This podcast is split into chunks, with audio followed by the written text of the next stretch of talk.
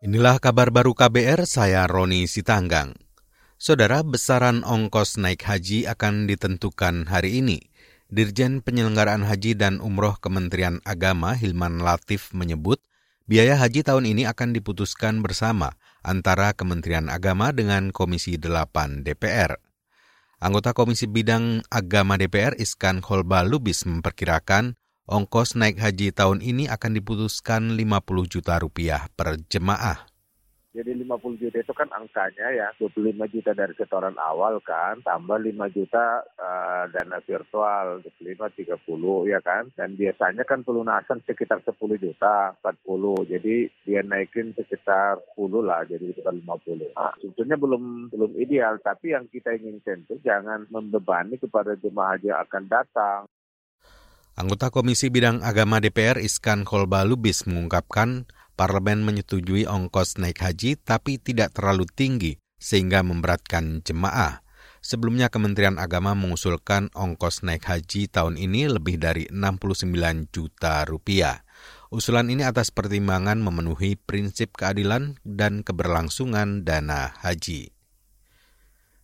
Kejaksaan Agung hari ini dijadwalkan memeriksa Menkominfo Joni G. Plate sebagai saksi perkara dugaan korupsi, penyediaan infrastruktur stasiun pemancar atau BTS 4G, dan pendukung paket 1-5 Bakti Kominfo tahun anggaran 2020-2022.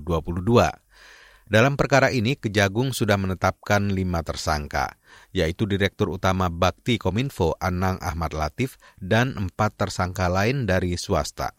Sebelumnya, Menkominfo tidak hadir saat pemanggilan Kamis lalu, dengan alasan mendampingi Presiden Jokowi di Medan, Sumatera Utara. Sementara itu kemarin penyidik Jampitsus Kejaksaan Agung memeriksa Sekretaris Umum Direktur Utama Bakti Kominfo Jennifer dan empat saksi lain dari swasta terkait perkara dugaan korupsi yang merugikan negara satu triliun rupiah. Putri Chandrawati, istri bekas Kadif Propam Polri Verdi Sambo difonis 20 tahun penjara dalam kasus pembunuhan berencana Brigadir J. Ketua Majelis Hakim Wahyu Imam Santoso menilai Putri terbukti secara sah turut serta melakukan pembunuhan berencana kepada Nofriansah Yosua Huta Barat alias Brigadir J. Menjatuhkan pidana terhadap terdakwa Putri Chandrawati dengan pidana penjara selama 20 tahun. Ketua Majelis Hakim Wahyu Imam Santoso mengatakan lamanya masa tahanan akan dipotong oleh lamanya masa penahanan yang dijalani Putri. Menanggapi itu, kuasa hukum Putri Chandrawati, Arman Hanis menilai, hakim sejak awal sudah berasumsi. Kuasa hukum akan mempelajari pertimbangan hakim sebelum melakukan upaya hukum lain. Putusan ini lebih berat dari tuntutan jaksa, yakni 8 tahun penjara. Dalam kasus ini, suami Putri bekas Kadif Propam Polri Verdi Sambo dijatuhi hukuman mati.